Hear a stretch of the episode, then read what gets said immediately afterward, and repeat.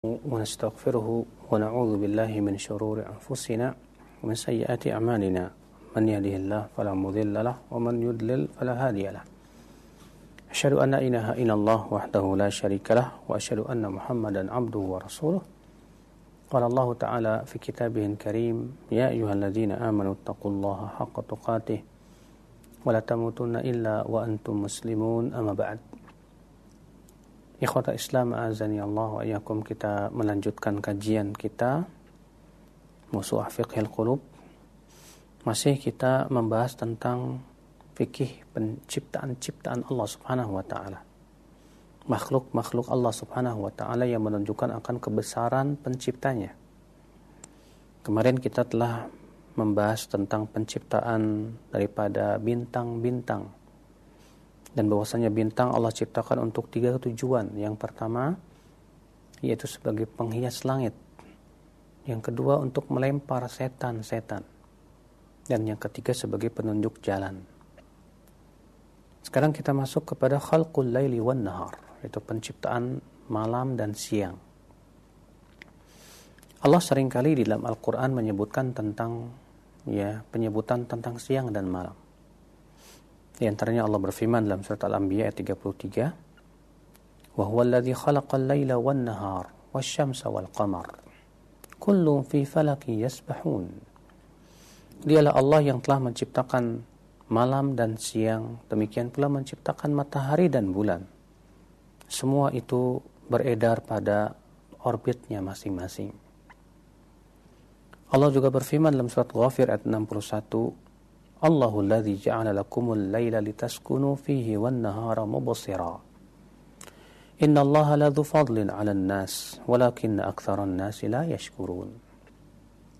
Allah yang telah menjadikan untuk kamu malam agar kamu merasa tenang padanya ya dengan kamu tidur.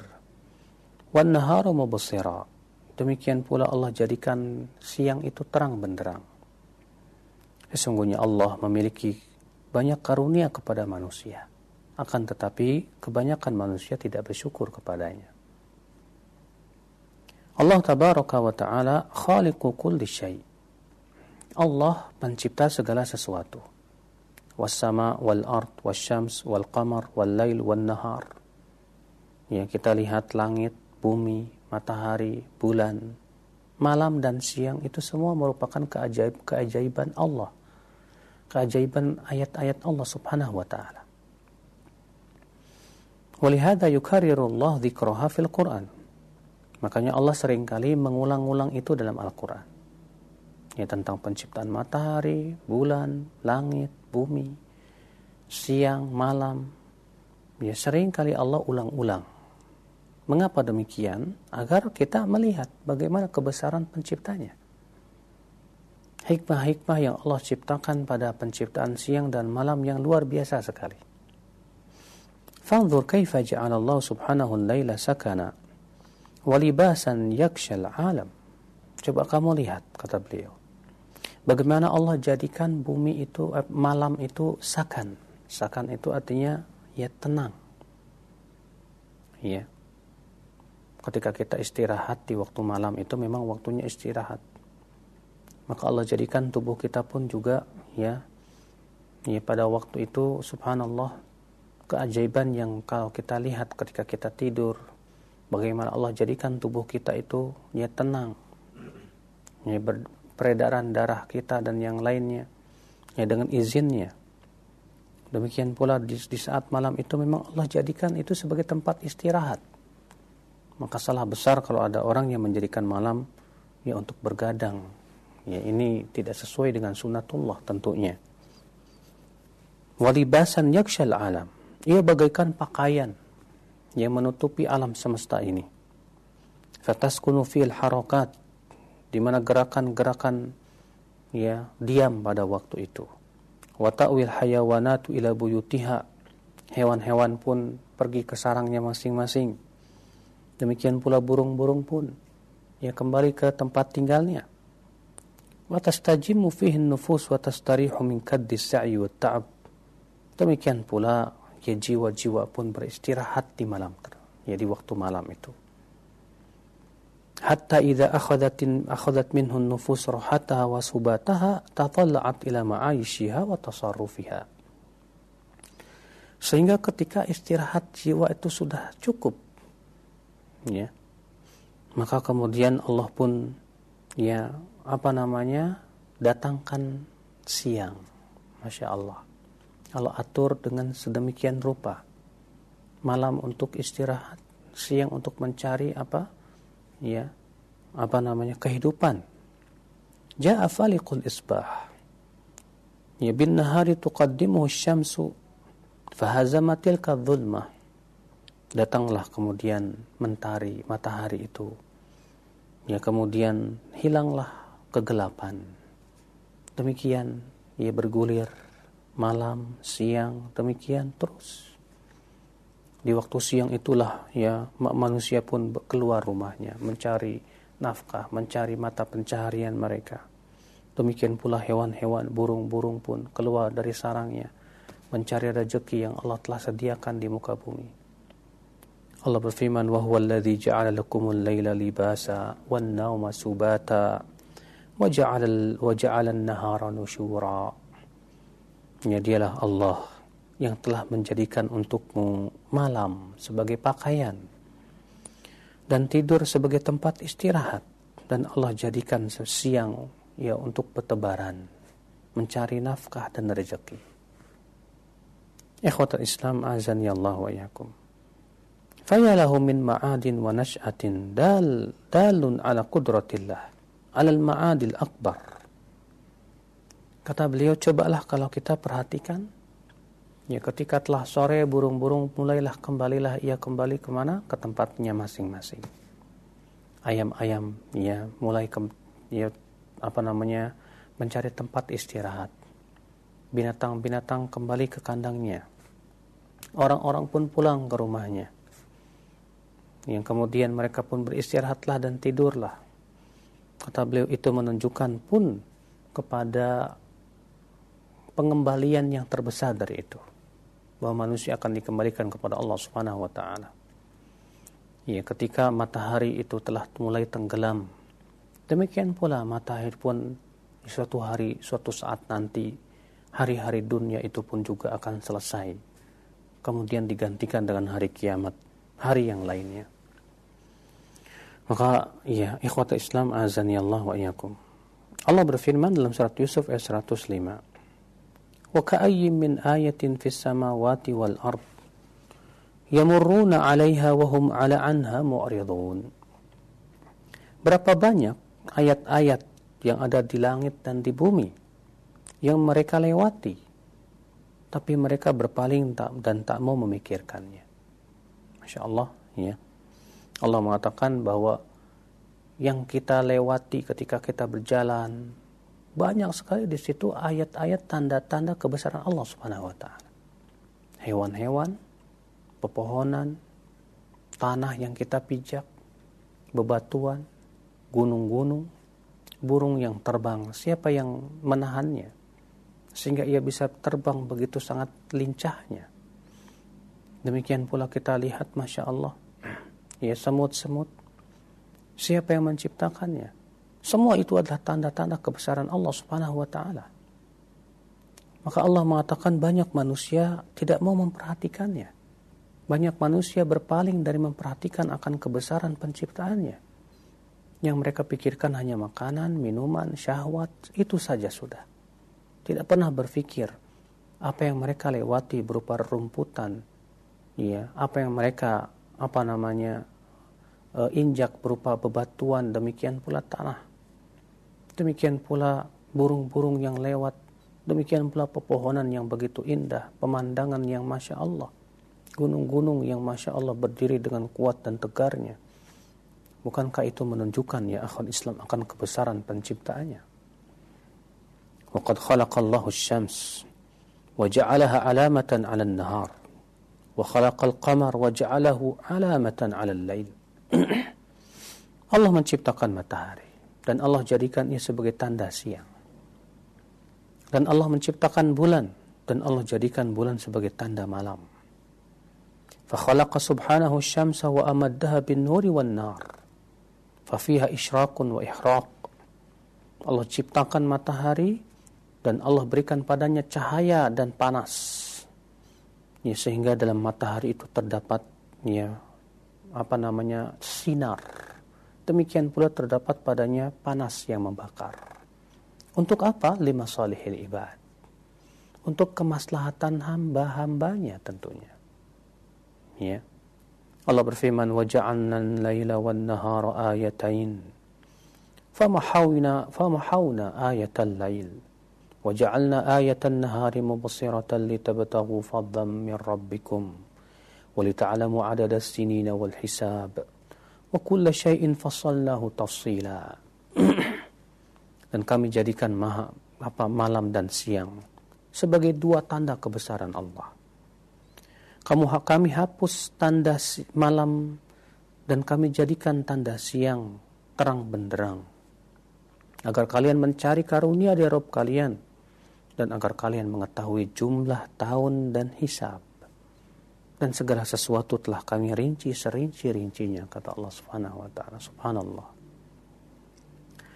Kana Allah azza wa jal يحدث عند كل واحد من طرفي إقبال الليل والنهار وإدبارهما ما يحدثه ويبث, ويبث من خلقه ما شاء فينشر الأرواح الشيطانية عند إقبال الليل وينشر الأرواح الإنسانية عند إقبال النهار فيحدث هذا الانتشار في العالم أثره. شرع سبحانه في هذين الوقتين الصلاتين العظيمتين المغرب والفجر. ليذكر العبد ربه ويسبحه ويحمده عند حدوث هذا التغير الكوني الكوني العظيم. Ketika Allah ya mengadakan pada segala sesuatu dari malam dan siang itu. Ya ketika malam hendak pergi, ya ketika siang hendak pergi, datang malam. Di saat itu Allah sebarkan roh-roh syaitaniyah. Sebagian disebutkan dalam hadis Nabi SAW. Ini apabila malam telah mulai datang, kata Rasulullah SAW, dan siang telah mulai pergi, maka Allah kiri apa sebarkan di waktu itu ya syaitan-syaitan. Jadi waktu ketika telah mulai malam itu ya justru bertebaran syaitan. Ya. Adapun di waktu siang ketika malam telah mulai pergi dan siang datang, maka di, di, di waktu itu bertebaran manusia untuk mencari ya nafkah. Maka jangan kita ber, menyerupai syaitan. Kita malah keluar di awal malam, bertebaran di awal malam ini tidak sesuai dengan yang telah Allah Subhanahu wa taala ya ciptakan manusia di atasnya. Maka Allah Subhanahu wa taala menjadikan itu semuanya ada bekas-bekasnya tentunya. ada hikmah-hikmahnya tentunya. Di mana Allah Subhanahu wa taala yang menjadikan maghrib ya kemudian subuh dan kemudian Allah syariatkan padanya di waktu itu dua waktu waktu untuk sholat maghrib, ya sebelumnya asar, waktu sholat fajar, ya agar mereka, ya para hamba itu mengingat Allah subhanahu wa ta'ala di waktu-waktu tersebut. Maka Allah subhanahu wa ta'ala ya menjadikan waktu-waktu agar kita selalu ingat kepada Allah. Subuh ketika fajar menyingsing, kita pun sujud kepada Allah ketika matahari telah berada di tengah langit ya dan telah merasa panas itu pada puncaknya Allah syariatkan kita berzikir kepadanya. Ketika sore hari telah menjelang Allah syariatkan salat asar. Ketika matahari telah tenggelam Allah syariatkan salat maghrib. Ya ketika syafaq merah telah hilang Allah syariatkan salat isya. Demikian masya Allah. Supaya manusia selalu berada ya pada keadaan yang prima. Hatinya selalu sehat. Karena ia selalu berhubungan dengan Allah Subhanahu wa taala. Ikhwata Islam azani Allah wa iyyakum. Wallahu tabaraka wa ta'ala huwa alladhi khalaqa samawati wal arda bil haqq. Allah yang telah menciptakan langit dan bumi dengan yang dengan hak. Yukawwirul laila 'ala an-nahar wa yukawwirun nahara 'ala al-lail Allah putarkan malam kepada siang dan Allah putarkan siang kepada malam. Wasakhar syamsa wal qamar dan Allah tundukkan matahari dan bulan. Kullun yajri li ajalin musamma. Semua itu matahari dan bulan itu beredar ya sampai batas waktu yang telah Allah tentukan. Allah wal azizul ghaffar. Ketahuilah dia Allah yang maha perkasa lagi maha pengampun ya subhanallah ikhwata Islam azan ya Allah wa iyyakum Allah juga Allah juga berfirman wa huwa alladhi ja'ala al-laila wan nahara khilfah liman arada an yadhakkara aw arada syukura Dialah Allah yang telah menjadikan malam dan siang silih berganti. Bagi siapa? Bagi orang yang mau ingat atau bagi orang yang mau bersyukur. Subhanallah. Allah mengatakan bahwa Allah jadikan malam dan siang itu ya silih berganti. Dan ini bermanfaat buat siapa? Buat dua orang. Yang pertama buat orang yang ingin ingat akan kebesaran penciptanya yang maha agung lagi maha kuasa. Yang kedua, bagi orang yang ingin mensyukuri nikmat-nikmatnya. ya, menjadikan malam sebagai tempat ibadah, bertakorup kepada Allah. Menjadikan siang sebagai tempat cari nafkah, menafkahi anak dan istri. Ya dan juga untuk berinfak di jalan Allah. Masya Allah ikhwata Islam azani ya Allah wa yakum Allah juga berfirman dzalika bi anna Allah yulijul laila fin nahar wa yulijun nahara fil lail wa anna Allah sami'un basir.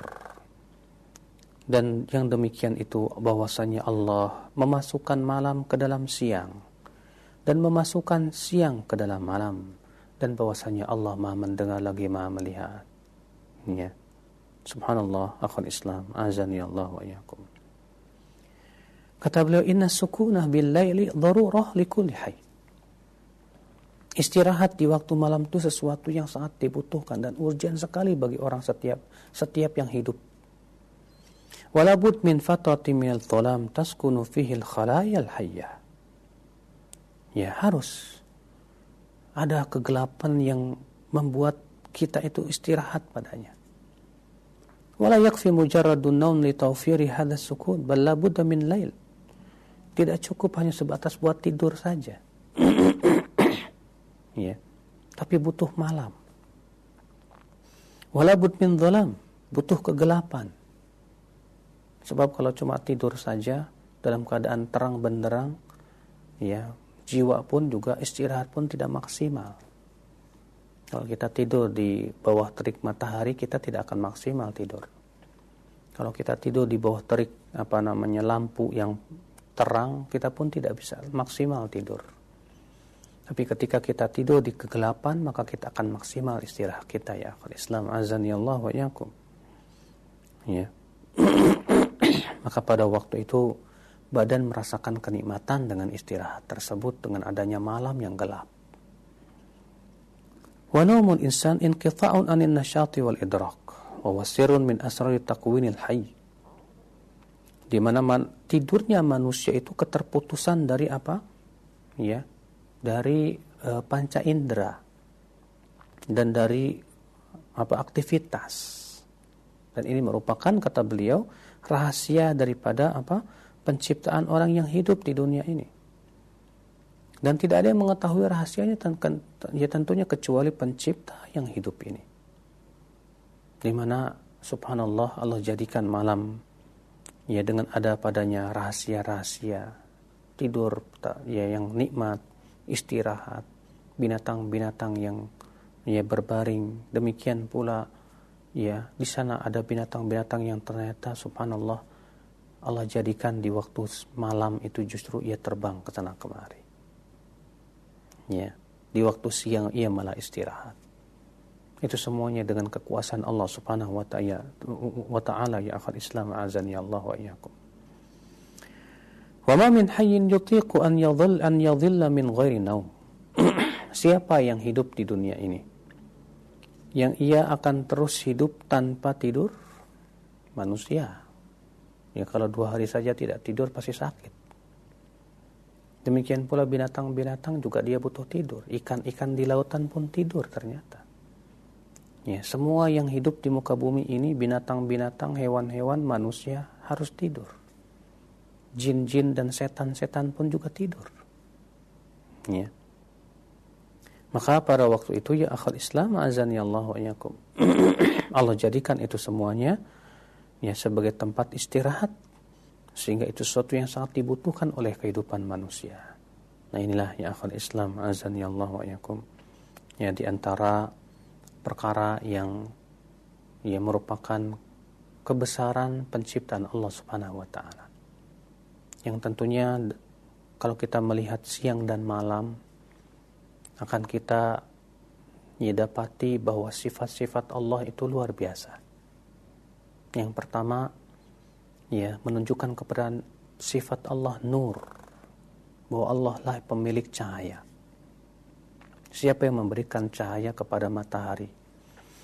Kepada bintang-bintang kalau bukan Allah Subhanahu wa taala. Ya manusia kalau bukan Allah yang memberikan cahaya ia tidak bisa melihat. Maka Allah jadikan cahaya. Dengan cahaya itu kita bisa melihat ya kita bisa berjalan dengan benar Demikian pula malam dan siang itu menunjukkan akan sifat Allah Subhanahu wa taala yang Rahim, Rahman, sayang kepada hamba-hambanya. Ya, Allah jadikan malam sebagai tempat istirahat, siang untuk mencari nafkah. Ya, bukankah itu menunjukkan akan kasih sayang Allah kepada hamba-hambanya? Demikian pula siang dan malam menunjukkan kepada nama Allah Al-Latif yang lembut kepada hambanya yang mengetahui apa yang dilakukan oleh hamba-hambanya di waktu malam maupun di waktu siang. Demikian pula, ya, malam dan siang itu menunjukkan sifat Allah Al-Hafidh yang menjaga. Allah jaga malam, Allah jaga siang. Ia bergulir dengan waktunya yang tepat, ya tidak mundur, tidak lebih. Dan Allah telah jadikan waktu-waktu itu terkadang malam lebih panjang, terkadang siangnya yang lebih panjang ya dan Allah telah tentukan waktu-waktunya masya Allah. Itu semuanya menunjukkan akan sifat-sifat Allah yang luar biasa. Sempurna sekali ya akhir Islam. Azan ya Allah wa yakum ya semoga dengan kita memperhatikan makhluk-makhluknya ya semakin bertambah keimanan kita kepada Allah Subhanahu wa taala. Bertambah penghambaan diri kita kepada Allah Subhanahu wa taala. Bertambah ketundukan kita kepada Allah sehingga kita menjadi hamba yang betul-betul menjalankan perintah-perintah dan menjauhi larangannya. Takut kepada Allah akan suatu hari nanti yang begitu pedih adab dan siksanya. Ya, dan berharap tentunya akan karunia dan surganya yang luar biasa. Wallahu a'lam. Nah. Nah Ustaz, jazakallah khairan atas materi yang Anda sampaikan kesempatan pagi hari ini. Demikianlah ikhwatal Islam azani Allah wa iyyakum telah kita simak bersama satu pembahasan tentang perkara-perkara tentang kebesaran keagungan Allah Subhanahu wa taala. Untuk selanjutnya ikhwatal Islam azani Allah wa iyyakum, kami membuka sesi interaktif soal jawab untuk Anda semua yang memperdalam materi yang telah disampaikan oleh beliau dan bagi Anda yang ingin bertanya secara langsung Anda dapat menghubungi kami melalui telepon di 021 823 6543 dan untuk Anda yang bertanya melalui pesan singkat di 0819 896543 untuk yang pertama kami akan mengangkat pertanyaan melalui telepon di layanan telepon 021 823 6543 ya silakan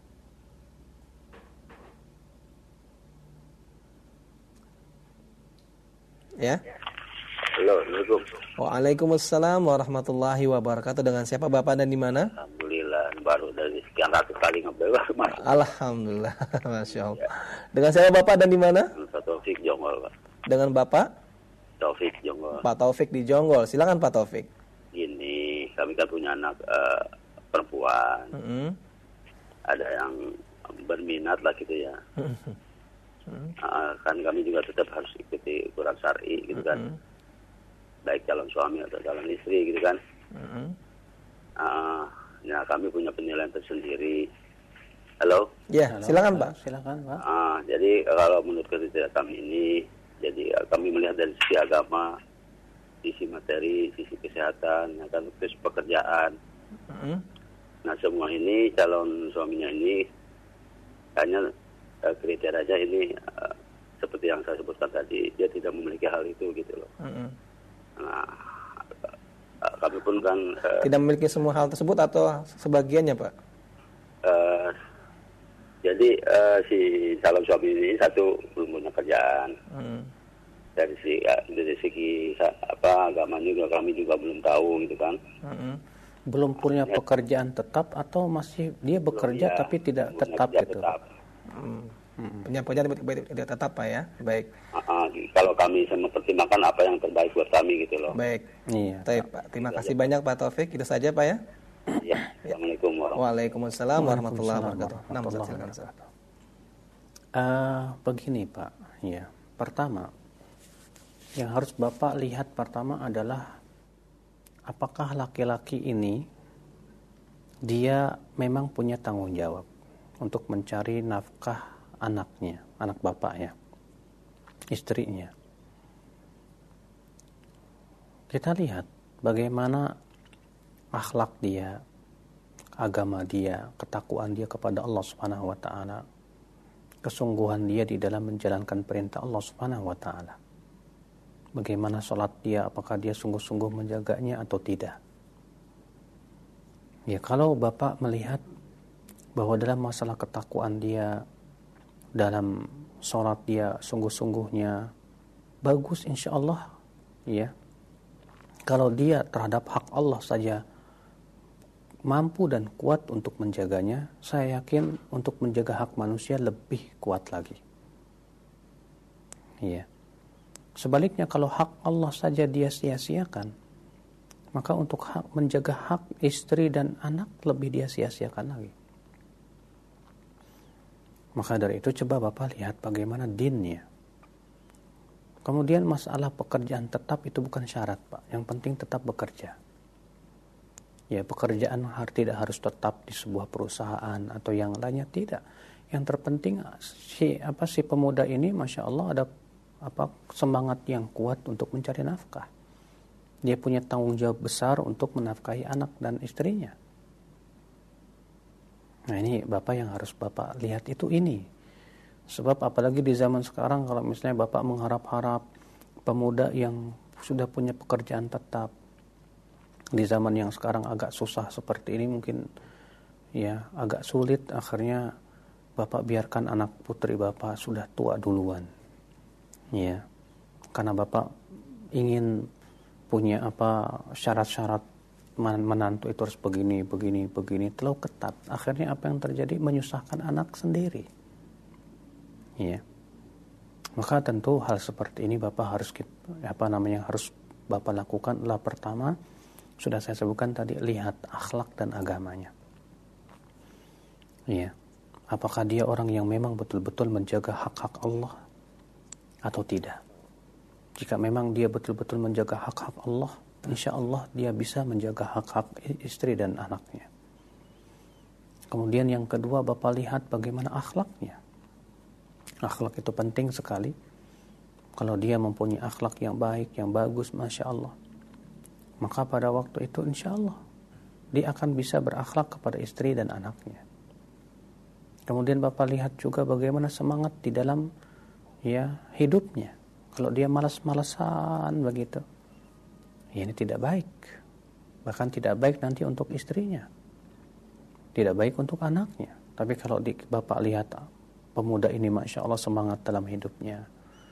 Dia tidak pernah pantang menyerah untuk mencari nafkah. Walaupun bukan pekerjaan tetap, tapi tetap bekerja. Ya, entah dagang apa, entah itu bisnis apa sementara yang jelas itu dihalalkan oleh syariat masalah bapak memang terkadang seorang tua itu masya Allah ya kekhawatiran tinggi. Anaknya takut ya nanti nggak bisa makan dan yang lainnya. Yakin pak yakin. Kalau memang pemuda itu memang bertakwa kepada Allah ya yakin dan yakin bahwasanya pasti Allah akan bantu. Allah pasti bantu. Kata Rasulullah SAW, ya salah satu hakun Allah an yu'ina. Ada tiga orang yang pasti Allah akan bantu. Di antaranya siapa? An-nakih yuridul afaf. Orang yang menikah tujuan daripada menikahnya adalah apa? Ya, al-afaf. Al-afaf itu artinya menjaga kehormatan dirinya. Allah juga berfirman, "Wa ankihul ayama minkum."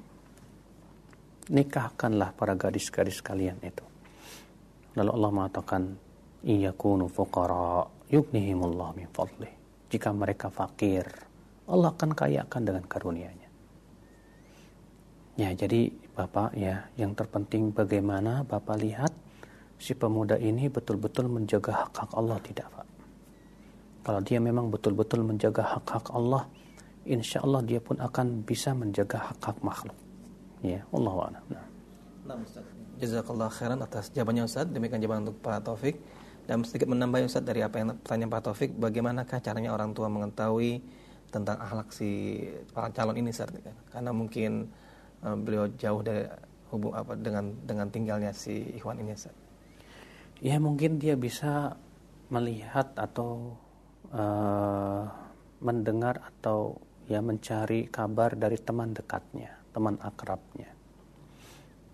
Ya, suatu ketika pernah Umar berkata kepada seseorang, "Kamu kenal si fulan?" "Kenal." Kata Umar, "Kamu pernah bermuamalah dengan dia?" "Belum." Kamu pernah bersafar bersama dia? Belum. Ah, kata Umar, kamu belum kenal dia. Iya. Orang yang pernah bermuamalah dia, bersafar dengan dia, bertetangga dengan dia, itulah yang kenal siapa dia. Akan tahu betul bagaimana akhlak dan ya sifatnya. Walaupun kalau kita cuma bertemu sekali, dua kali, kita tidak akan bisa mengenalnya. Coba tanyakan kepada temannya yang memang dia itu suka bermuamalah dengan dia, ya, atau pernah safar dengan dia, akan terlihatlah bagaimana sifat karena di waktu safar itu terkadang sifat karakter asli muncul. Dengan adanya muamalah akan terlihat siapa yang amanah dan siapa yang tidak. Ya. Setelah kita tanya ternyata ini orang ini orangnya muamalahnya nggak benar udah nggak usah Ya kalau ternyata hak Allah saja dia sia-siakan, dia tidak takut kepada Allah dalam masalah muamalah, terlebih kepada anak dan istri. Ya. Maka hati-hati yang seperti ini. Allah a'lam. Nah. Nah. Jazakallah khairan. Demikian jawaban untuk Pak Taufik. Dan berikutnya kita akan tunggu kembali pertanyaan dari pendengar melalui telepon di layanan telepon 021 823 6543. Ya, silakan. Ya. Halo. Ya. Assalamualaikum warahmatullahi wabarakatuh. Waalaikumsalam warahmatullahi wabarakatuh. Dengan siapa Bapak dan di mana? Dari dari Abu Abu Nismah Jakarta Pak Ustaz. Abu Usmah. Abu Nismah. Abu Nusmah di Jakarta. Ya, baik Bapak mohon maaf mungkin lebih, agar lebih komunikasinya lebih uh, mudah dan nyaman, Bapak bisa cukup mendengarkan melalui telepon saja, Pak. Jadi suara televisi cukup dikecilkan. Ya, baik. Silakan, Bapak. Pertanyaannya langsung. Silakan, Bapak. Pertanyaannya langsung. Silakan, Bapak. Uh, saya mau menanyakan Pak Ustaz tentang masalah uh, yang tadi waja'alna laila libasa waja'alna nahara ma'asya Allah menciptakan uh, siang untuk ma'asya dan malam untuk beristirahat mm-hmm. Bagaimana Pak Ustadz kalau orang selama hidupnya dia itu mencari itu di malam hari Pak Ustadz iya yang memang itu bagaimana Pak? Apa menyimpang daripada ayat yang tadi itu ya Pak Ustaz? Iya, baik. Uh, baik Pak Abu Nusmah, cukup itu saja pertanyaannya. Assalamualaikum warahmatullahi wabarakatuh. Waalaikumsalam warahmatullahi wabarakatuh. Nah, Ustaz, sebelum ditambahkan ada juga pertanyaan semakna dengan yang tanya oleh Bapak tentang masalah orang yang bekerja pada shift malam Ustaz mungkin seperti ini. Iya. Silakan. Pertama, ya bahwa memang pada dasarnya Allah telah takdirkan manusia di waktu malam itu istirahat. Allah jadikan badan manusia itu disesuaikan dengan waktu malam dan siang. yang saya pernah pelajari dan mungkin bisa ditanyakan langsung ke Sinsi Abu Muhammad ya. Bagaimana ya tubuh kita dan organ tubuh kita itu bekerja ternyata sesuai dengan perputaran malam dan siang. Ya, pada jam-jam tertentu paru-paru menjadi kuat, ya menjadi lemah pada waktu jam segini, jam segini, jam segini. Ternyata itu mengikuti perputaran apa namanya uh, siang dan malam. nah, ketika organ tubuh kita itu ternyata yang harusnya di saat jamnya istirahat kita bekerja, mau tidak mau pasti akan menimbulkan suatu ketika mudarat untuk organ tersebut.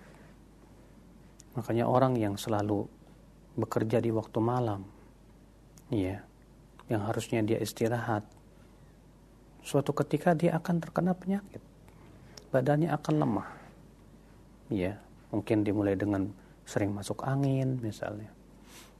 Lama-lama kemudian ya kena penyakit diabetes atau yang lainnya atau hepatitis atau yang lainnya. Itu bisa terjadi karena menyalahi aturan yang telah Allah takdirkan manusia di atasnya. Maka kalau ya kita misalnya Gimana ya Ustadz, saya kan shiftnya shift malam. Apakah berarti tidak boleh kita katakan ya silahkan. Karena tidur itu pada asalnya mubah saja.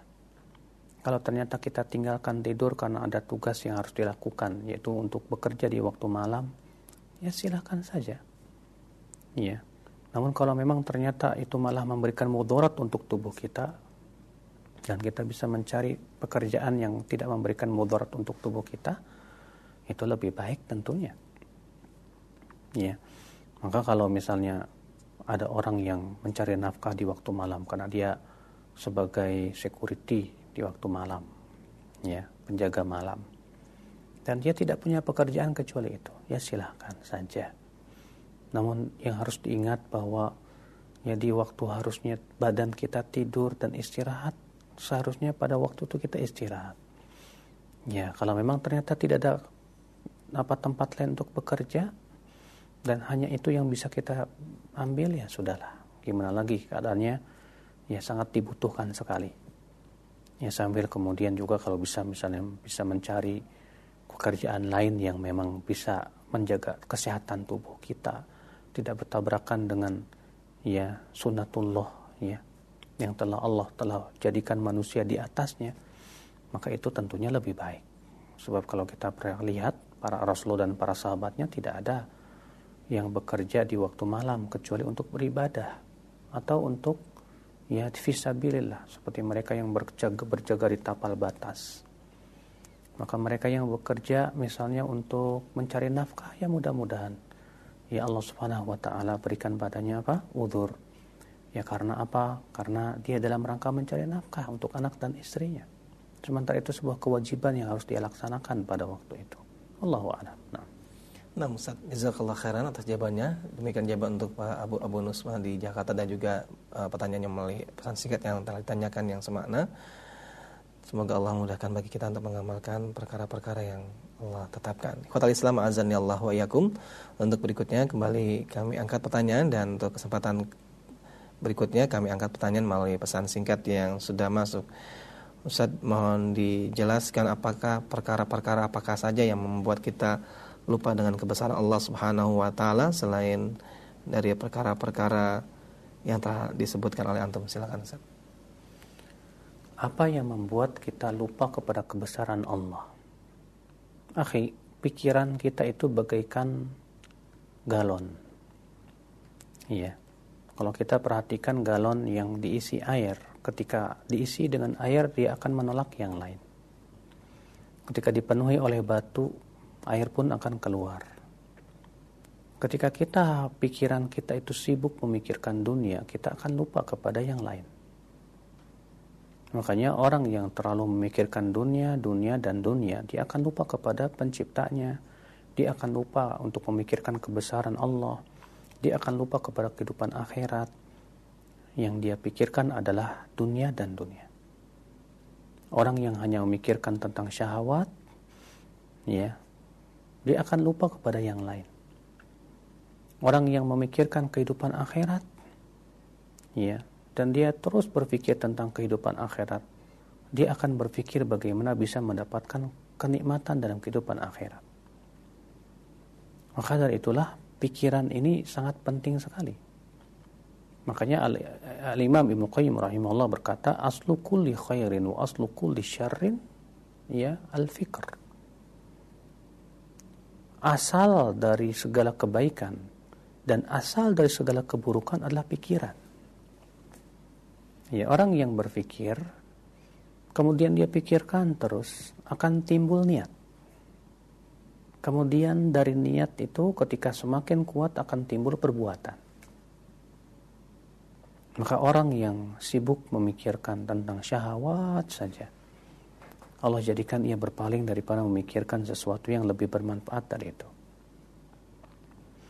Makanya di sinilah ya yang harus kita manage berarti apa pikiran kita. Yang harus kita manage ya adalah hati kita. Ketika kita mulai berpikir tentang hal-hal yang tidak ada manfaatnya, udah segera kita tahan. Kemudian kita segera berpikir dengan hal-hal yang sifatnya bermanfaat. Memikirkan ilmu, memikirkan akhirat, memikirkan tentang masalah-masalah dunia kita. Ya, Sebab kalau pikiran kita dibiasakan memikirkan hal-hal yang tidak bermanfaat, akhirnya lama-lama akan terjerat kepada syahwat syaitani ya. Dan itu sering kali terjadi. Makanya di sini siapa yang bisa mem, mem, apa, menjaga pikirannya, insya Allah dia akan bisa menjaga hati dan niatnya. Dan siapa yang bisa menjaga hati dan niatnya, maka dia akan bisa menjaga ya amal dan perbuatannya. Jadi ya dari pikiran dulu harus kita betul-betul jaga. Insya Allah kalau kita bisa menjaga pikiran, insya Allah bagus ya dalam kehidupan kita pun kita akan bisa lebih ya menjaga diri Allah a'lam. Nah. Nah, Ustaz. Jazakallah khairan atas jawabannya Ustaz. Barakallahu fiik. Dan pertanyaan berikutnya kembali kami angkat pertanyaan oleh pesan singkat Ustaz, bagaimanakah membedakan seorang dai atau ustaz yang dia di atas pemahaman Ahlussunnah wal Jamaah karena juga ada beberapa dai yang suka membawakan perkataan para ulama dan juga membawakan hadis dan Quran kan tapi uh, kenyataannya berbeda dengan dengan apa yang saya pahami dari kajian-kajian yang didapatkan. Silakan Ustaz. Maksudnya mengetahui perbedaan antara dai yang di atas pemahaman Ahlussunnah dengan yang tidak Ustaz seperti itu untuk mengetahuinya tentunya kita harus betul-betul memahami dulu tentang hakikat akidah alusunah wal jamaah. Makanya penting ya kita belajar itu dari yang dasar dulu, masalah akidah. Pahami satu persatu bagaimana akidah alusunah dalam masalah takdir. Bagaimana akidah alusunah wal jamaah dalam masalah asma wa sifat. Bagaimana ahli akidah alusunah wal jamaah dalam masalah tauhidullah bagaimana akidah al-sunnah terhadap para sahabat, bagaimana akidah al-sunnah wal jamaah tentang masalah kehidupan alam kubur, bagaimana akidah al-sunnah wal jamaah tentang masalah-masalah yang sifatnya itu akidah. Setelah kita pahami satu persatu, tentunya dengan merujuk langsung kitab-kitab para ulama, yang terutama ter ulama terdahulu, seperti ya kitab Imam Ahmad dalam kitab Aslus Sunnah, Imam Al-Barbahari dalam kitab Syarh Sunnah, Imam Al-Lalikai dalam kitab Syarah Itiqad Ahli Sunnati wal Jamaah. Imam Al-Ajuri dalam kitab Asy-Syariah. Ini semua kitab-kitab yang ditulis oleh para ulama terdahulu dari kalangan salafus soleh yang alhamdulillah sampai kepada kita. Yang menceritakan bagaimana keyakinan para sahabat, para tabiin, para tabi'ut tabi'in. Ini para ulama mereka. Kalau kita sudah betul-betul mengkaji itu, kita akan bisa melihat siapa yang memang betul-betul di atas akidah al-sunnah dan siapa yang tidak. Kalau kita ilmu kita lemah tentang akidah, maka kita pun akan lemah untuk bisa menilai seseorang itu di atas akidah al-sunnah atau tidak. Ya. Ketika ilmu akidah kita lemah, pada waktu itu kita ya akan hanya sebatas tertipu dengan lahiriahnya. Ada orang misalnya, masya Allah, ya jago dia bawakan Al-Quran, bawa hadis, ya, dengan lalu banyak orang terkesima dengan hafalan-hafalannya yang luar biasa misalnya, ya, akhirnya dia langsung memberikan sebuah asumsi, oh masya Allah ini orang begini dan begitu. Tentu bukan itu bukan parameter ya yang diberikan oleh orang-orang yang kuat keilmuannya. Itu hanyalah parameter yang diberikan oleh orang-orang yang tertipu dengan banyaknya hafalan. Sebab kalau kita perhatikan, ya banyaknya hafalan itu tidak menjamin ternyata. Sebuah contoh misalnya Rasulullah ketika mensifati orang Khawarij. Apa kata Rasulullah? Yaqra'una al-Qur'an wa la yujawizu taraqiyahum. Yaquluna min qali khairil bariyah. Yamrukuna min ad-din kama yamrukusahu min ar-ramiyah. Ya ketika Rasulullah mensifati orang Khawarij apa? Mereka membaca Al-Quran, menghafal Al-Quran, tapi tidak sampai ke kerongkongannya. Mereka membawakan sabda-sabda atau ucapan-ucapan sebaik-baiknya manusia itu Rasulullah SAW namun mereka melesat dari agama seperti melesatnya busur panah eh, panah dari buruannya. Lihat Rasulullah ketika mensifati orang Khawarij, mereka ternyata hafal Al-Quran, mereka hafal hadis. Tapi pemahaman mereka itu yang rusak. Mereka tidak mau mengikuti pemahaman para sahabat, para tabi'in, para tabi'ut tabi'in. Iya. Ketika orang Khawarij di zaman Ibnu Abbas, di zaman Ali bin Abi Thalib muncul, Apakah mereka mengikuti pemahaman para sahabat? Tidak. Ya. Ketika Ibnu Abbas datang kepada mereka, ya, mereka bawakan ayat Al-Quran, mereka bawakan hadis Nabi SAW. Tapi tidak mau mengikuti pemahaman para sahabat. Akibatnya seperti itu menyimpang. Nah inilah ya akhul Islam azani Allah wa Makanya kalau ya orang yang belum kokoh keilmuannya akan sangat mudah tertipu dengan lahiriah. Tapi orang yang sudah kokoh keilmuannya dia tidak akan tertipu dengan lahiriah. Dia akan melihat apakah dia di atas manhaj ya para sahabat atau tidak.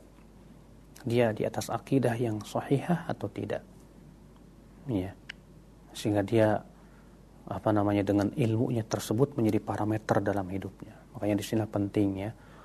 Kita menuntut ilmu itu jangan apa namanya istilahnya kayak istilahnya kalau ada selebritis gitu ya bintang film yang lagi booming ya bukan seperti itu.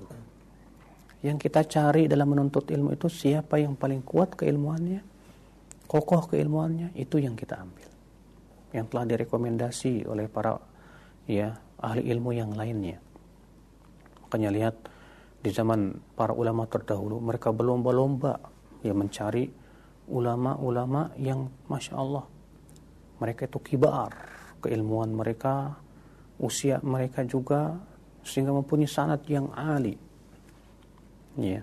Imam Ahmad bin Hambal sampai berjalan kaki dari Baghdad menuju apa? Menuju Yaman menuju Sana'a. Karena ingin mengambil dari Al Imam Abdul Razak karena ketinggian sanad beliau dan keilmuannya yang luar biasa. Nah, begitu seharusnya kita adalah menuntut ilmu Allah Subhanahu wa taala. Iya. Maka hendaknya seorang penuntut ilmu banyak konsultasi ya dengan para asatidah yang telah kuat keilmuannya. Ya mengenai bagaimana mengambil ilmu. Kepada siapa dia mengambil ilmu? Supaya terbimbing hidupnya. Ya, jangan dia banyak di zaman sekarang tuh penuntut ilmu yang sok tahu gitu ya, merasa dirinya ilmunya sudah sekelas Imam Bukhari. Merasa dirinya ilmunya sudah sangat dalam. Sehingga akhirnya dia tidak peduli lagi. Sehingga menurut dia saya sudah bisa menilai sendiri kok ya padahal keilmuannya ya subhanallah mungkin arba'in nawawiyah saja dia belum pernah pelajari kitab-kitab akidah para ulama pun belum dia ketahui tapi kemudian dia ya dengan sikap apa namanya merasa lebih hebatnya itu loh keakuannya ananiahnya itu yang seperti inilah yang masya Allah ya banyak tersesat jalannya. Ya, kenapa? Karena tidak mengikuti metode para ulama terdahulu di dalam menuntut ilmu Allah Subhanahu wa taala tentunya. Allahu a'lam. Nah. Nah, Ustaz. Jazakallah khairan atas penjelasan dan jawabannya Ustaz. Barakallahu fiik. Untuk berikutnya kembali kami angkat tanya melalui pesan singkat dari pendengar kita di NTB dan juga pertanyaan semakna. Ustaz, apakah dosa yang apakah dosa syirik masih ada harapan diampuni oleh Allah Subhanahu wa taala?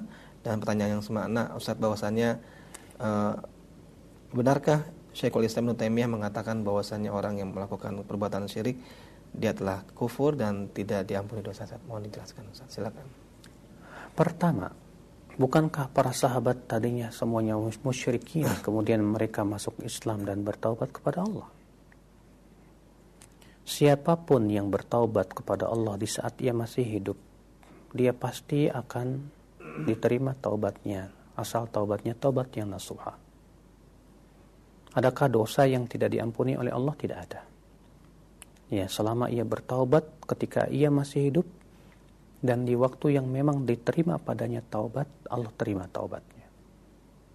Ya Allah berfirman, eh, "Qul li ibadiyalladzina asrafu ala anfusihim la taqnatu min rahmatillah, innallaha yaghfiru dzunuba jami'a, innahu huwal ghafurur rahim." Katakan kepada hamba-hambaku yang melampaui batas itu. Ya. Jangan kalian merasa putus asa dari rahmat Allah. Sesungguhnya Allah mengampuni seluruh dosa. Sesungguhnya dia maha pengampun lagi maha penyayang. Ya, siapa yang berbuat syirik kemudian ia bertaubat kepada Allah, Allah terima taubatnya selama dengan syarat. Waktu taubatnya itu adalah waktu memang diterima pantai padanya ya taubat. Adapun kalau nyawa sudah disampai kerongkongan atau matahari telah terbit dari barat, maka pada waktu itu tidak bermanfaat lagi taubat. Ya.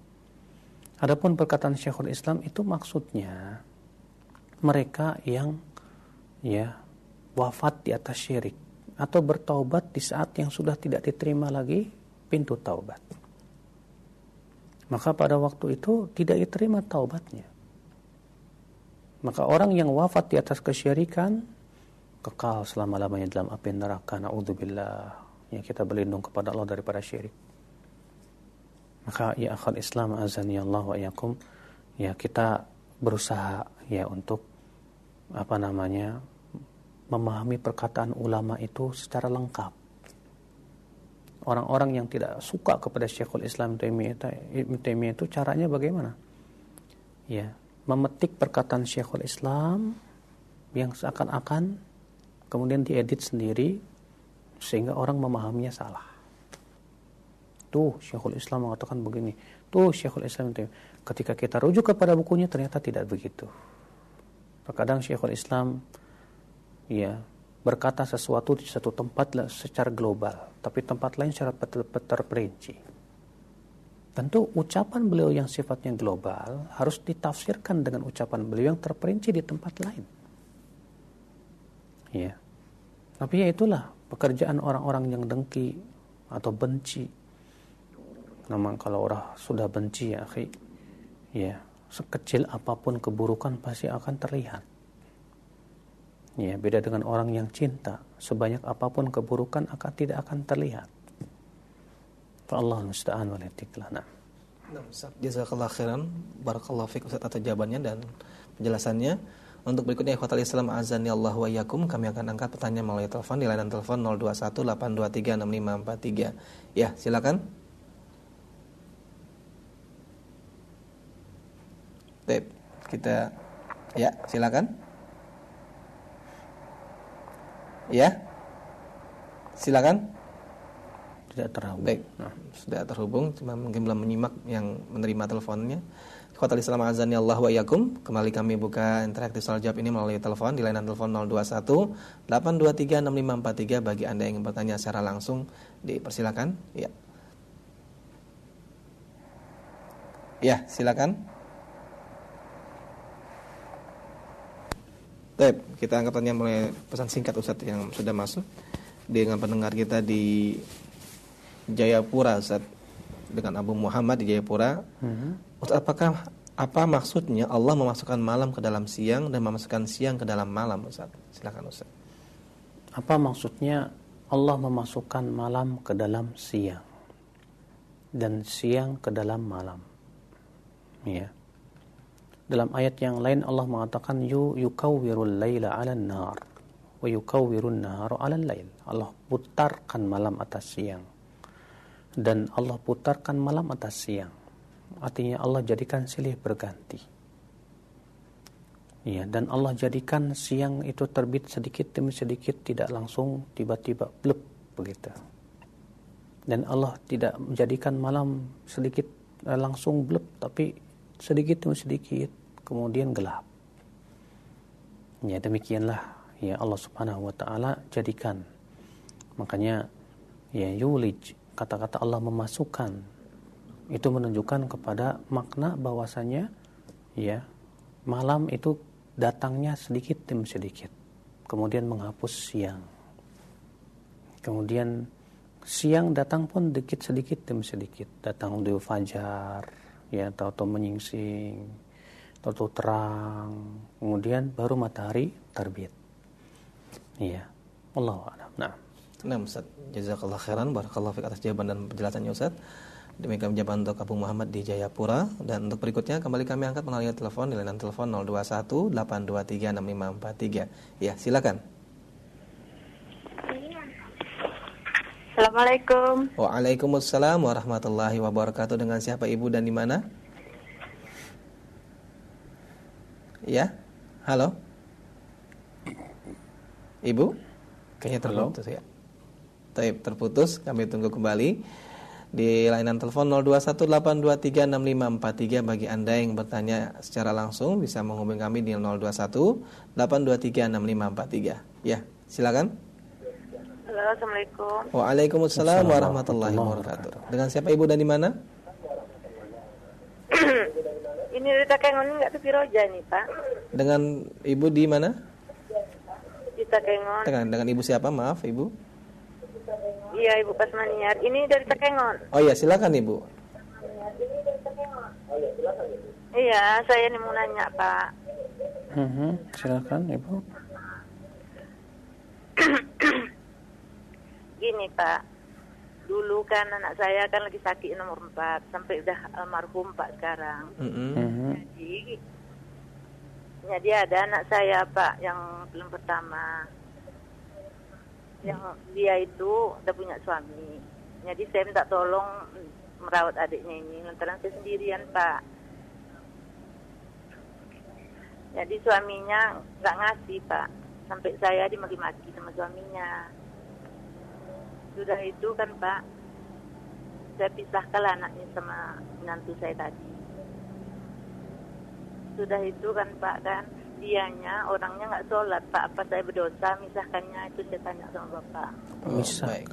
Saya ibu memisahkan tuh menyuruh anak ibu menceraikannya atau bisa tinggal rumah ibu? Bagaimana?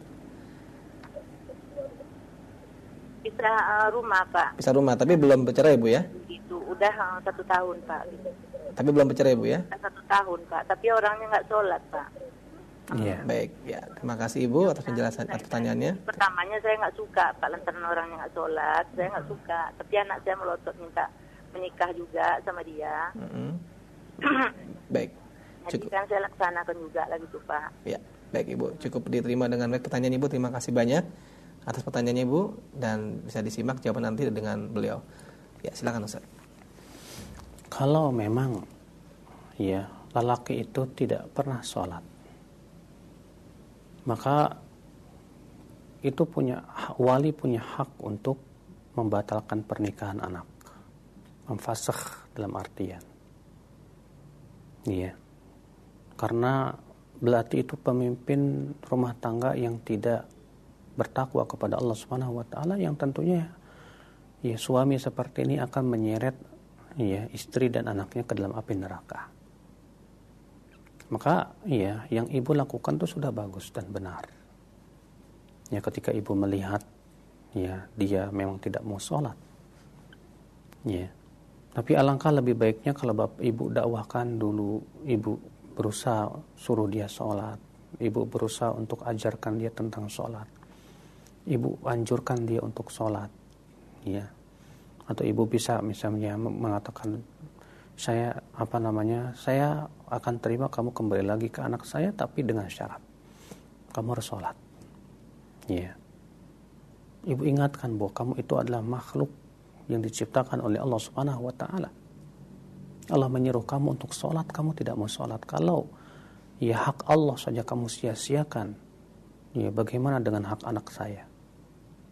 Kalau kamu saja tidak takut kepada Allah Subhanahu wa taala, ya terlebih lagi ya terhadap hak-hak anak dan istrinya. Mau dikemanakan anak saya? Apa kamu hendak membawa dia ke dalam api neraka? Tidak. Ya. Maka tentu yang ibu telah ambil sikap seperti ini ya karena Allah insya Allah. Karena tujuan ibu adalah untuk menyelamatkan agama anak ibu. Ya. Ternyata dia punya suami yang tidak mau sholat. Ya, namun tentunya sudah saya sebutkan tadi, teruslah ibu untuk mendakwahi dan menasihati supaya dia mau sholat. Kalau dia, dia sudah taubat dan dia mau sholat, alhamdulillah ya sudah. Ya kembalikan lagi lah, ya. Karena dia sudah bertaubat kepada Allah Subhanahu wa taala misalnya. Allahu a'lam. Nah. Nah, Ustaz, jazakallah khairan atas jawaban dan penjelasannya. Demikianlah untuk Ibu di Takengon. Mudah-mudahan dapat difahami jawaban oleh yang telah disampaikan oleh beliau. Yang Islam azan ya Allah wa yakum Masih kami angkat pertanyaan melalui telepon Layanan telepon 021 823 6543 Bagi anda yang ingin bertanya secara langsung. Ya silakan. Ya. Halo Assalamualaikum. Waalaikumsalam warahmatullahi wabarakatuh. Mohon maaf Bapak mungkin bisa dikecilkan suara televisinya. Biar terdengar dengan jelas. Ya Silakan Pak, dengan Pak siapa dan di mana? Silakan Pak, dengan Pak siapa dan di mana? Dengan dengan Muhammad Buhari Muslim. Baik Pak, mohon maaf coba suara televisinya dikecilkan Pak. Suaranya di, volumenya suara televisinya dikecilkan biar tidak ada feedback dan bergema ke sehingga pertanyaan yang nanti Bapak sampaikan bisa kami simak dengan jelas Pak. Ya, silakan dengan Pak siapa Pak? Muhammad Bukhari Muslim. Baik, di mana Pak Muhammad Bukhari Muslim? Di Donggala. Di mana Pak? Maaf? Di Palu, Sulawesi Tengah. Oh, di Palu, Sulawesi Tengah. Ya, silakan Pak. Ya, saya ingin bertanya, apa alasan ulama ahlu sunnah melarang kita untuk membaca kitab Ya Ulumuddin? Ya Ulumuddin. Taib. Itu saja Pak pertanyaannya Pak. Terima kasih banyak. Iya. Ya. Terima kasih Pak Muhammad Bukhari Muslim. Silakan Ustaz. Ada pertanyaan apa alasan ulama ahlus sunnah membaca kitab Iya Ulumuddin? Yang menjadi pertanyaan siapa ulama ahlus sunnah tersebut Bapak? Iya. Naam, di zaman dahulu memang ada fatwa. Ya, dari guru Al-Imam Al-Hafidh Ibnu Hajar Al-Asqalani rahimahullah. Beliau bernama Zainuddin Al-Iraqi. Di mana Zainuddin Al-Iraqi memberikan fatwa tidak boleh membaca kitab Ihya Ulumuddin. Kenapa? Karena beliau ulama yang betul-betul perhatian terhadap kitab Ihya Ulumuddin. Beliau yang mentakhrijnya hadis-hadisnya. Di hadis-hadis Ihya Ulumuddin itu beliau takhrij. Ya dalam sebuah kitab. Beliau juga pelajari apa yang ada dalam Ihya Ulumuddin tersebut. Hasilnya beliau menilai bahwa buku ini tidak pantas dan tidak layak untuk dibaca. Kenapa? Pertama, di dalam buku tersebut kata beliau, ya banyak sekali hadis yang palsu. Yang banyak lagi hadis yang tidak ada asalnya. Bahkan jumlahnya ribu apa lebih dari seribu hadis kata beliau. Belum lagi ya di sana ya menurut beliau banyak sekali hal-hal yang tidak sesuai dengan apa yang diyakini oleh salafus saleh.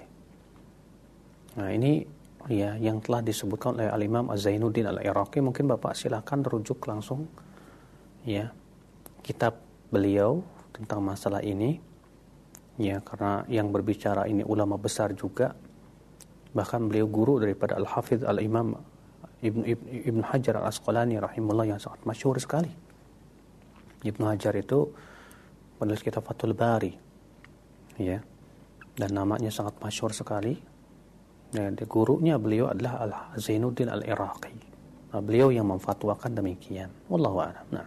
Nah, Jazakallah khairan atas jawaban dan penjelasan Ustaz. Demikian jawaban dan penjelasan yang telah disampaikan oleh beliau untuk Bapak Muhammad Bukhari Muslim. Mudah-mudahan dapat difahami dengan baik dan benar. Kota Islam azan ya Allah wa yakum. Kembali kami angkat pertanyaan berikutnya melalui lainan telepon di 021 823 6543. Ya, kita angkat yang berikutnya. Silakan.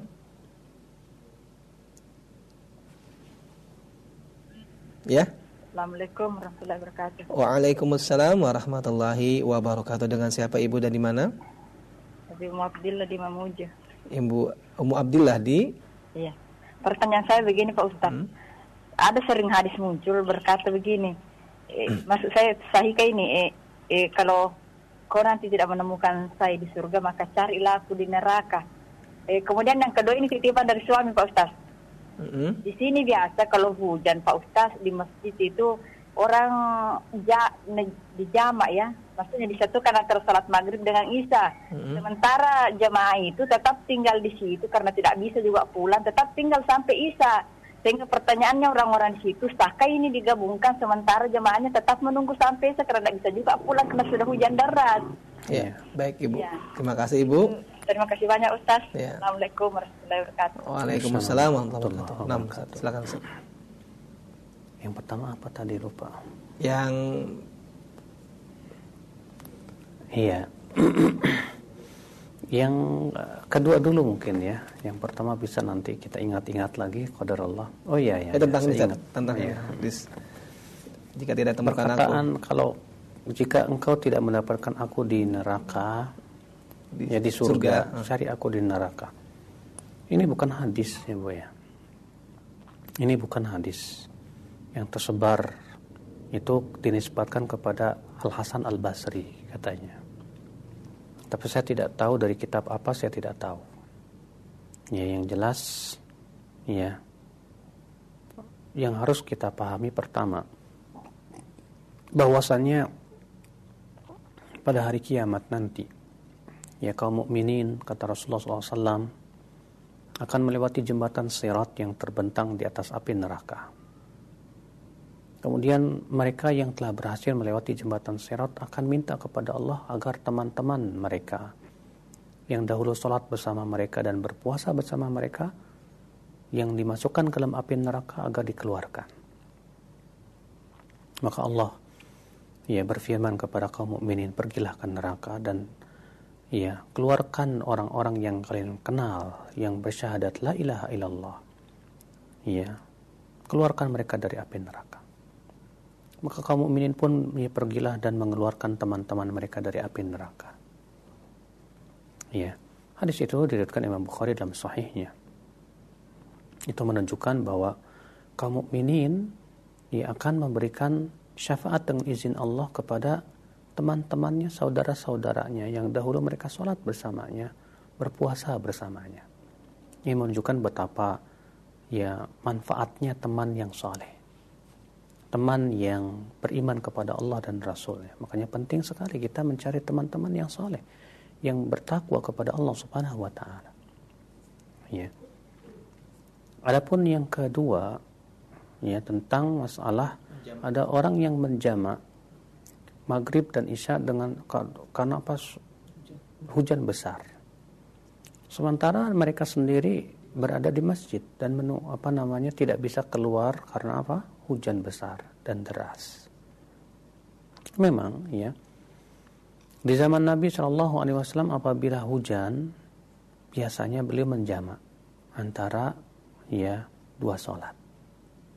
Namun yang harus kita perhatikan pertama, kenapa Nabi SAW menjamak? Ya, disebutkan oleh Ibnu Abbas di Allah yuharij ummatahu supaya tidak menyusahkan umatnya. Berarti jamak itu disyariatkan ketika ada kesusahan dan kesulitan. Sekarang kita melihat dululah bagaimana sih bentuk masjid di zaman Rasul. Ya, masjid di zaman Rasul SAW itu tidak masjid itu tidak tertutup semua. Bagian yang tertutup hanya bagian depan dan bagian belakang saja. Bagian belakang untuk ahli sufah untuk tidur mereka, bagian depan untuk sholat. Tengah-tengahnya bolong. Ini ya. Kalau kita melihat dan bagi mereka yang pernah umroh dan pergi melihat pameran Sirah Nabawiyah yang ada di kota Madinah, di sana ada ya eh, apa namanya gambaran Masjid Nabawiyah yang diperkecil di ketika di zaman Rasul SAW. Dan atapnya pun juga hanya terbuat dari apa? Daun-daun kurma. Yang apabila hujan yang tentunya masih ada menetes atau ya setetes dua tetes. Nah ketika hujan deras pasti itu akan sangat menyusahkan mereka. Ya haraj. Adapun di zaman sekarang masjidnya masya Allah bagus-bagus. Ya ketika terjadi hujan mereka bisa berlindung dan sebetulnya untuk sholat pada waktunya tidak haraj insya Allah ya maka kalau memang ternyata alasan haraj yang menyusahkan itu memang ada silahkan. Jamak nggak masalah. Tapi kalau ya alasan harajnya itu yaitu menyusahkannya itu tidak ada maka tidak tidak perlu untuk dijamak. Sholatnya tet, sholatlah tetap pada waktunya masing-masing. Ya. Karena ilat daripada uh, disyariatkannya jamak adalah adanya haraj. Haraj itu apa artinya? Yaitu kesusahan, kesulitan. Dan illah jika dalam kaidah usul fikih mengatakan ya al-hukmu yaduru ma'a illatihi wujudan wa adaman. Hukum itu mengikuti ilatnya. Ya. Kalau ilat ada, maka di apa hukum ada. Kalau ilat tidak ada, maka hukum tidak ada. Maka kita melihat keadaan seperti ini bagaimana. Kalau memang itu hujannya menyusahkan, lama, ya, menyulitkan, nah silakan menjamak. Tapi kalau itu tidak menyulitkan, dan kita sebetulnya bisa dan tidak sulit bagi kita untuk sholat pada waktu masing-masing, maka lebih bagusnya kita sholat pada waktu masing-masing. Wallahu a'lam. Nah. Nah, Ustaz. Jazakallah khairan atas jawabannya dan penjelasannya Ustaz. Demikianlah untuk Umu Abdillah yang telah bertanya tadi dan berikutnya kami angkat pertanyaan melalui telepon kembali di layanan telepon 021 823 6543 ya silakan oke oke kasih ya silakan Pak ya, Assalamualaikum Ustaz Waalaikumsalam warahmatullahi wabarakatuh dengan siapa Bapak dan di mana dari Pak Bambang dari Palembang Ustaz Pak Bambang dari Palembang silakan Pak Bambang ya mau nanya ini Ustaz mana yang lebih kuat pada sholat dua rakaat itu duduk istiros atau tawaruk pada tahiyat akhirnya itu. Baik, itu saja Pak ya. Bambang. Terima kasih Pak Bambang atas pertanyaannya. Waalaikumsalam. Waalaikumsalam warahmatullahi wabarakatuh. Nah, Ustaz, silakan Ustaz.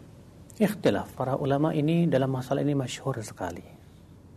Ya, madhab Syafi'i mengatakan tawarruk berdasarkan keumuman hadis apabila Rasulullah SAW duduk di rakaat yang ada padanya salam maka beliau duduk tawarruk Sementara jumhur ulama berpendapat bahwasannya ya uh, duduk di dua rakaat itu iftirash. Kenapa?